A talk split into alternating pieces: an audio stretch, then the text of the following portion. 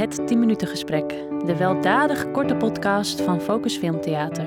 Voor deze gesprekkenreeks nodigen we een bonte verzameling mensen uit. Wij zijn benieuwd waar zij zich mee bezighouden in tijden van anderhalve meter, mondkapjesplicht en lockdown. Hoe blijven ze van de straat en wat is er op hun beeldschermen te zien? Ik ben Kim van der Werf, programmeur bij Focus Filmtheater. In dit 10 minuten gesprek is mijn gast Elmar Noot Notenboom. Elmar is docent tekenen aan het Dorenweert College in Doorweert. In 2017 richtte hij binnen de muren van zijn school Indifferent op, als een veilige haven waar iedereen mag aanmeren. Indifferent is een initiatief dat in minder dan vier jaar tijd veel navolging en steun heeft gekregen. Ook burgemeester Marcouch roemt het initiatief van Elmar en ik quote even. Want het kan wel heikele kwesties in de klas naar boven trekken, met als boei de vrijheid van meningsuiting en als doel de normale omgang met klasgenoten. Focus en Indifference hebben in de afgelopen jaren een aantal keren samengewerkt in op jongeren gerichte filmprogramma's, die ontworpen zijn op het snijvlak van thema's als inclusiviteit, diversiteit, respect en veiligheid. Iedere keer weer word ik getroffen door zowel de kwets kwetsbaarheid als de kracht van de jongeren en de moed waarmee ze, waarmee zich uitspreken over gevoelige identiteitskwesties. Ik kan me voorstellen dat er ook volwassenen zijn die denken: was er maar iets als indifferent geweest toen ik jong was en dreigde te verdwalen in de jungle die een middelbare school kan zijn. Elmar, hartelijk welkom. Dankjewel. Hoe gaat het met je in tijden van corona? Um, wel goed. Ja, niet geweldig, zal ik eerlijk zeggen. Het is gewoon een tijd waarin je waarin ik vanuit huis werk. En uh, daardoor zit ik heel veel thuis. En er is natuurlijk helemaal geen mogelijkheid om even naar een museum te gaan of naar het filmhuis. En de eerste maanden van de lockdown vond ik dat helemaal niet erg. Vond ik het wel lekker om uh, op te sluiten en een nieuwe fase in te gaan. En ik had heel veel energie ook om er voor mijn leerlingen te zijn en leuke nieuwe dingen te bedenken online. Maar het is nu een jaar verder en ik merk dat ook bij mij de energie een beetje wegloopt. En dat ik verlang naar een tijd waarin ik ook buiten de deur weer kan werken en mijn netwerk weer kan zien en echt weer activiteiten ondernemen met leerlingen. Hoe is het eh, met jouw leerlingen in uh, deze barre tijden? Heel uh, wisselend. Heel veel kinderen die houden zich fantastisch goed. Die presteren prima. Sommigen zelfs beter. Die vinden het heel fijn om thuis te werken. daar ben ik heel blij om. Er zijn ook leerlingen natuurlijk wiens concentratie verdwijnt of bij wie de motivatie verdwijnt. Of kinderen die, ehm, ja, die zich eenzaam voelen. Zelfs kinderen waar de thuissituatie niet helemaal 100% fantastisch is, waardoor dat ook extra problemen oplevert. Dus het gaat op dit moment echt alle kanten op. Want je geeft ook wel weer fysiek les, toch? Klopt. En hoe is dat? Hoe, hoe gaat dat op, uh, op zo'n school? Ja, dat is een lastige vraag. Het, gaat, het is fijn om de leerlingen weer te zien. Heel fijn. We, uh, we geven les aan de helft van de klas en de andere helft die volgt de les online. Dat is lastig, want je ja. kunt niet je energie in tweeën splitsen. Um, bijvoorbeeld bij het binnenkomen van de klas. Ik vind het als docent heel belangrijk om dan meteen aanwezig te zijn en de sfeer te zetten en te zeggen wat ik verwacht van ga zitten, neem plek. Maar ik moet nu mijn aandacht focussen op de kinderen die thuis zijn. En dat zorgt ervoor dat eh, de kinderen die binnenkomen eigenlijk hè, meteen een soort van kleine chaos creëren. En nou ja, dat zijn hele kleine minimale probleempjes, maar die, daar, ja, daardoor loopt het wel wat stroever dan normaal. Ik las net dat er een uh, corona-hulplijn voor scholieren en studenten wordt ingesteld. Ja. Denk je dat zo'n uh, corona-hulplijn, ik, ik weet niet heel gedetailleerd wat dat, hoe dat precies ingericht wordt, maar denk je dat dat um, effectief gaat zijn? Voor sommige leerlingen absoluut. Um, ja, ik vind het heel positief dat, dat dit serieus genomen wordt, want er zijn heel veel leerlingen en studenten die die, die hulp heel goed kunnen gebruiken. Dus heel goed dat ze dit uh, initiëren. Voor de leerlingen die, ja, die die stap durven nemen, ja, zal het zeker werken, maar niet iedereen durft zo'n stap te nemen. Er zijn toch veel leerlingen die met bepaalde problematiek rondlopen en dat blijft helemaal in hun hoofd. Die zien dan niet dat het mogelijk is om met een volwassene te praten of om hun hart te luchten of om een ander perspectief op hun probleem um, te, te lichten. Ik wil het heel graag hebben over indifference. En mm -hmm. uh, we hebben elkaar vaker daarover gesproken. Dus, uh, maar ik denk dat het voor uh, mensen die nog nooit van indifference hebben gehoord hebben, heel goed is om ehm, om even te luisteren naar een van jouw leerlingen. Een van de mensen die in different, uh, die in uh, jouw groep zitten. En dan uh, mag je daarna daarop reageren. Ja. Wie ik ben? Ja, dat is een moeilijke vraag wie ik ben. Want ik weet echt niet wie ik ben en wat ik ben. Ik probeer het nu uit te zoeken en eh, te vinden wie ik ben ehm, in deze jaren. En het is een moeilijke zoektocht. Eerst stond ik alleen ervoor, maar nu heb ik wel hulp erbij. En ik, ehm, en ik krijg steeds meer hulp van mensen. En Sommige mensen zijn heel supportive erin, en sommige mensen wat minder. Indifferent is een groep waar mensen zichzelf kunnen zijn. En zich kunnen geaccepteerd, geaccepteerd worden daar. Nou, ehm, dat meer mensen begrijpen wat, dat er niet alleen maar een ehm, man en vrouw is, maar er ook dus in is. En dat, ehm, niet, dat er verschillende seksualities zijn. En de, of veel meer, dat er ook problemen zijn. Of dat mensen gewoon anders zijn. Dit is een eh, portret gemaakt eh, door ehm, jonge filmmaker James Wisner. En hij heeft dat gedaan in opdracht van jullie, begrijp ik dat goed? Klopt. En het maakt deel uit van een, eh, van een breder filmproject. Ja, dat klopt. Ja, James maakt een, eh, een film met daarin allemaal portretten van leerlingen die aangesloten zijn bij Indifferent. En we hebben besloten omdat eh, vanwege corona dus, omdat iedereen thuis zat, dat we elke twee weken één zo'n kort portretje op, op Instagram en op onze website posten. En dat leidt dus langzaam maar zeker naar een grotere film of een wat langere film waar dit meer door elkaar in zit eh, gemixt. Kinderen zitten een hele week op school en ze leren van alles. Heel veel dingen zijn hartstikke belangrijk voor hun toekomst, maar heel veel dingen die zijn eh, een soort van ver van mijn bedshow. En terwijl ze heel veel tijd daarin moeten investeren, in eh, huiswerk maken en cijfers, goede cijfers halen en presteren, eh, is er weinig ruimte voor datgene waar ze echt daadwerkelijk mee bezig zijn op dit moment. En voor sommigen is dat eh, echt zoeken naar hun identiteit en omgaan met de wereld om je heen. Ehm, ja, daarom is Indifferent eigenlijk gestart, omdat er veel leerlingen eh, z- ja, zoekende zijn naar van wie ben ik en wie, wie ben ik in relatie tot de omgeving om me heen.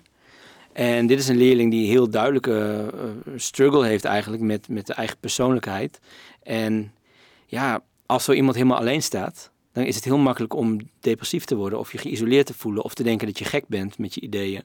En het mooie is dat, eh, dat er een groep is voor deze leerling waar hij zich kan aansluiten en kan voelen dat hij helemaal geaccepteerd wordt met zijn twijfels, met, met zijn problemen.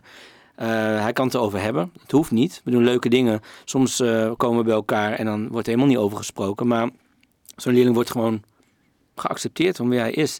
En dat is denk ik heel belangrijk. Dat kinderen gewoon voelen van ik mag er zijn, ik mag mijn twijfels hebben. En als ik wil kan ik erover praten. En dan word ik niet voor gek verklaard, maar dan word ik gewoon serieus genomen. En dan zijn er mensen die mij kunnen helpen of misschien doorverwijzen. Je hebt Indifferent in 2017 opgericht. Kwam het ook voort uit jouw persoonlijke ervaringen? Jazeker, ja, ja, ja. ja ik eh, ontdekte toen ik 12 was dat ik op jongens viel. En dat was in 1992. Nou, ik was zo'n beetje de enige, voor zover ik wist. En dat heeft best ja, veel gevolgen gehad. Ik zat toen op VWO. Maar ik was zo'n leerling die dus zo in de problemen raakte dat ik eh, bleef zitten. Ik ging naar HAVO. Ik werd zelfs van school gestuurd omdat ik eigenlijk niet presteerde. En naar een andere school op MAVO. En ik was daarin in die tijd heel depressief of heel stil. Ik had wel vrienden, maar ik vertelde gewoon niet wie ik was, omdat ik dacht dat het heel belachelijk was wat ik was. Ehm, daarnaast ben ik ook Indisch, dus dat was ook iets waar ik me anders in voelde. Dus ik had niet een groep waar ik kon zijn wie ik was. En ik heb het dus uit eigen ervaring meegemaakt. En ik heb ook gezien hoeveel werk het kost om uit zo'n dal te klimmen. Ehm, dat heb ik heel goed gedaan, denk ik. Maar wel omdat ik heel veel kansen heb gekregen. En toen ik ging lesgeven op eh, de school waar ik nu lesgeef... Ja, zag ik dat veel leerlingen met dezelfde soort problematiek eh, te maken hadden. Maar misschien niet die omstandigheden hadden die ik had, dat ik, dat, dat ik er snel uit kon klimmen. Eh, ik zag bij sommige leerlingen dat het juist de verkeerde kant op ging. En daar wilde ik heel graag wat aan doen. Dus het is ook echt wel grotendeels dat ik uit mijn eigen ervaring dit heb eh, opgericht. En was de school meteen eh, ontvankelijk voor jouw idee? Ja, eigenlijk wel. Ja, dat is wel heel mooi. Ik moet eerlijk zeggen, de school waar ik lesgeef heeft me altijd gesteund. Die heeft ook altijd gezien wat mijn beweegredenen zijn om dit te doen. Ze waren misschien in het begin wel een beetje kat uit de boom kijkend. Maar eigenlijk vrij snel zagen ze al dat het eh, positieve invloed had op individuele leerlingen. En na een tijdje op de hele cultuur in de school. En dat werd heel snel eh, gezien en opgepikt. En eigenlijk meteen hebben ze toen gezegd van we willen dit groter neerzetten. We willen je faciliteren. Dus ik heb absoluut de steun van mijn hele school meegekregen. Kun je omschrijven wat, uh, als je het hebt over dat de school het faciliteert, wat doet de school ervoor? Nou, ik heb er bepaalde taakuren voor gekregen, dus ik krijg er letterlijk voor betaald. Uh, maar daarnaast uh, is er ook een budget vrijgemaakt voor dingen als posters, activiteiten. Um, ja, een school die vraagt me van, um, als er een probleem is of als ze iets zien, van kun je hier wat mee doen? Bijvoorbeeld, we hebben geld gekregen van de overheid om iets te doen aan, uh, aan het sociale welzijn of sociaal-emotionele welzijn van de leerlingen. En dan komen ze bij mij. En dan gaan we samen denken van wat willen we doen? Wat voor een programma kunnen we maken? Dus eigenlijk het idee van Indifferent is helemaal geïntegreerd nu in de school. Ja. En uh, dat is ook in, uh, in, uh, and op andere scholen niet onopgemerkt gebleven. Nee. Je bent het ook aan het uitzetten ehm, op andere scholen. Mm -hmm. En andere scholen zijn ook echt bereid om, dat, om met jou in gesprek te gaan. Hoe, hoe gaat dat? Het gaat twee kanten op. Um, enerzijds is het heel makkelijk om hier nu over te praten. Het is gewoon goed om, om te praten over diversiteit en inclusie. Iedereen ziet nu in op dit moment dat we, dat we leven in een periode, uh, in, in een fase van, van emancipatie. Alle minderheden komen op voor hun recht. Je ziet het op alle fronten. En ja, daar moet je als school wat mee. En kinderen zijn ook steeds jonger. Uh, ja, en hebben een jonge stem en die, die willen dat er wat mee gebeurt. En de scholen die zien echt wel dat hier wat mee moet gebeuren. Dus ze willen zeker in gesprek. Um, dus dat is wel heel fijn. En ik heb zeker ook de steun van de gemeente achter, uh, achter me. In uh, november 2020 heeft de gemeenteraad besloten dat we eigenlijk op alle scholen in Arnhem zouden moeten gaan starten. Dus dat is echt super. Ja, aan de andere kant, om echt op een school van start te gaan, dat is nog best lastig. Kijk, op mijn school was het makkelijk omdat ik daar rondliep en ik deed alles. Maar je kunt niet verwachten dat op elke school zo'n docent rondloopt. Dus er zijn heel veel docenten die het wel willen, maar die misschien nog niet de juiste tools hebben. Of, um, ja, dus, dus dat gaat op alle scholen langzaam. Het kost ook wat meer tijd. Maar de bereidheid is er wel. We zien wel dat op elke school echt wel docenten zijn en ook uh, schoolleiders die, die net zo enthousiast zijn. Die, die, die er echt voor willen vechten. Uh, meestal zijn het ook mensen die uit eigen ervaring iets hebben meegemaakt voor buitensluiting of, of op het gebied van uh, racisme of discriminatie. Dus daar is dat vuur echt wel aanwezig. Je ziet zeker dat het ook op school bij de leerlingen groot aanwezig is. Eigenlijk is dat het belangrijkste. Als leerlingen bij elkaar komen en ze willen dit doen, dan volgen er vanzelf docenten die wel mee willen gaan. Um, ja, wat wij wel aan het doen zijn, is nadenken over hoe kunnen wij docenten faciliteren. Dus wij uh, hebben ook een soort docententeam waar we met elkaar regelmatig bij elkaar komen om van elkaar te leren en elkaar te steunen en helpen. En vervolgens schooljaar zijn we ook bezig met het opzetten van docententrainingen om, ja, om te zorgen dat elke docent eigenlijk meer tools of handvatten heeft om dit soort dingen op te zetten en bespreekbaar te maken. Je kan je voorstellen dat dit best wel gevoelige onderwerpen zijn. En um, het is niet voor iedereen even makkelijk om dit bespreekbaar te maken. Misschien wel in een klein groepje waar leerlingen hiervoor openstaan. Maar om dit gewoon in een klas te bespreken waar iedereen in zit, ja, dat is voor sommige docenten niet altijd makkelijk. Wat we eigenlijk proberen te doen is met docenten bij elkaar komen en zij iets laten ervaren waar ze zelf, uh, ja, waardoor ze zelf door een bepaald proces gaan. Bijvoorbeeld, um, ik ben zelf naar een voorstelling geweest, uh, ongeveer ja, een paar maanden geleden. Dat was van Wensley Piquet in uh, Theater aan de Rijn.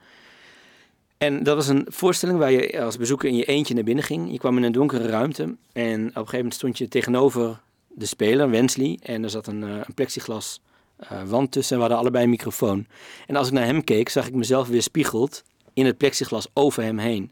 En hij is een zwarte man. En hij ging vragen aan mij stellen. We gingen een gesprek aan. En eigenlijk zijn meest belangrijke vraag was, herken je jezelf in mij? Nou, ik ben van Indische afkomst. Ik ben heel bezig met racisme en discriminatie. Dus mijn antwoord was volmondig ja, ik herken mezelf in jou. En dat, ik herken mezelf eigenlijk in iedereen met twee ogen en een stem en, en een hartslag. Maar er waren dus heel veel mensen die daar nee hebben gezegd. En na afloop ging hij dat gesprek met, met die mensen aan. En die mensen worden eigenlijk geconfronteerd met een, een eigen vooroordeel wat, wat er in ze huist. En ik denk dat heel veel mensen geloven dat zij heel ruimdenkend zijn. En dat zij, dat zij absoluut niet racistisch zijn. Maar als je zo'n gesprek aangaat, word je toch wel geconfronteerd met denkbeelden die jij in jezelf hebt vastgezet. Die misschien helemaal niet blijken te kloppen. En ik denk dat dat is een hele goede manier om met docenten ehm, ja, zo- zo'n zo'n traject van start te gaan.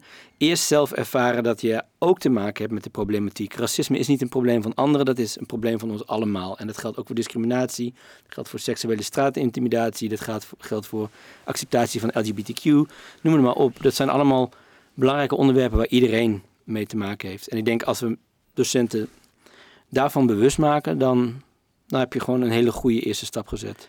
En je bent een indrukwekkend eh, netwerk aan het opzetten met inderdaad heel veel ehm, eh, culturele partners hier in, in Arnhem. Heeft het te maken met het feit dat je docent beeldende vakken bent? Ja, enerzijds wel. Ehm, daar ligt mijn liefde, kunst. Dus ja, dat, dus logisch dat ik daar eh, mijn programma omheen bouw. Maar anderzijds, ehm, praten over kunst, dat, kan, eh, dat maakt het makkelijk om over problemen te praten. Kijk, als ik een leerling voor me heb die een bepaald probleem heeft, is het heel moeilijk, zeker als die leerling in een groep zit, om te vertellen wat zijn of haar problematiek is. Maar als je samen naar een film kijkt, waarin die problematiek eh, het onderwerp is, dan is het veel makkelijker om daarna over die film te praten. En zo zie ik dat eigenlijk. Kunst is een heel mooi middel om met elkaar in gesprek te gaan over moeilijke onderwerpen. Anderzijds is het ook een heel mooi middel om je uit te drukken. Dus door zelf kunst te maken, op welke manier dan ook, spoken word of posters of theater, kun je ook iets van jezelf kwijt.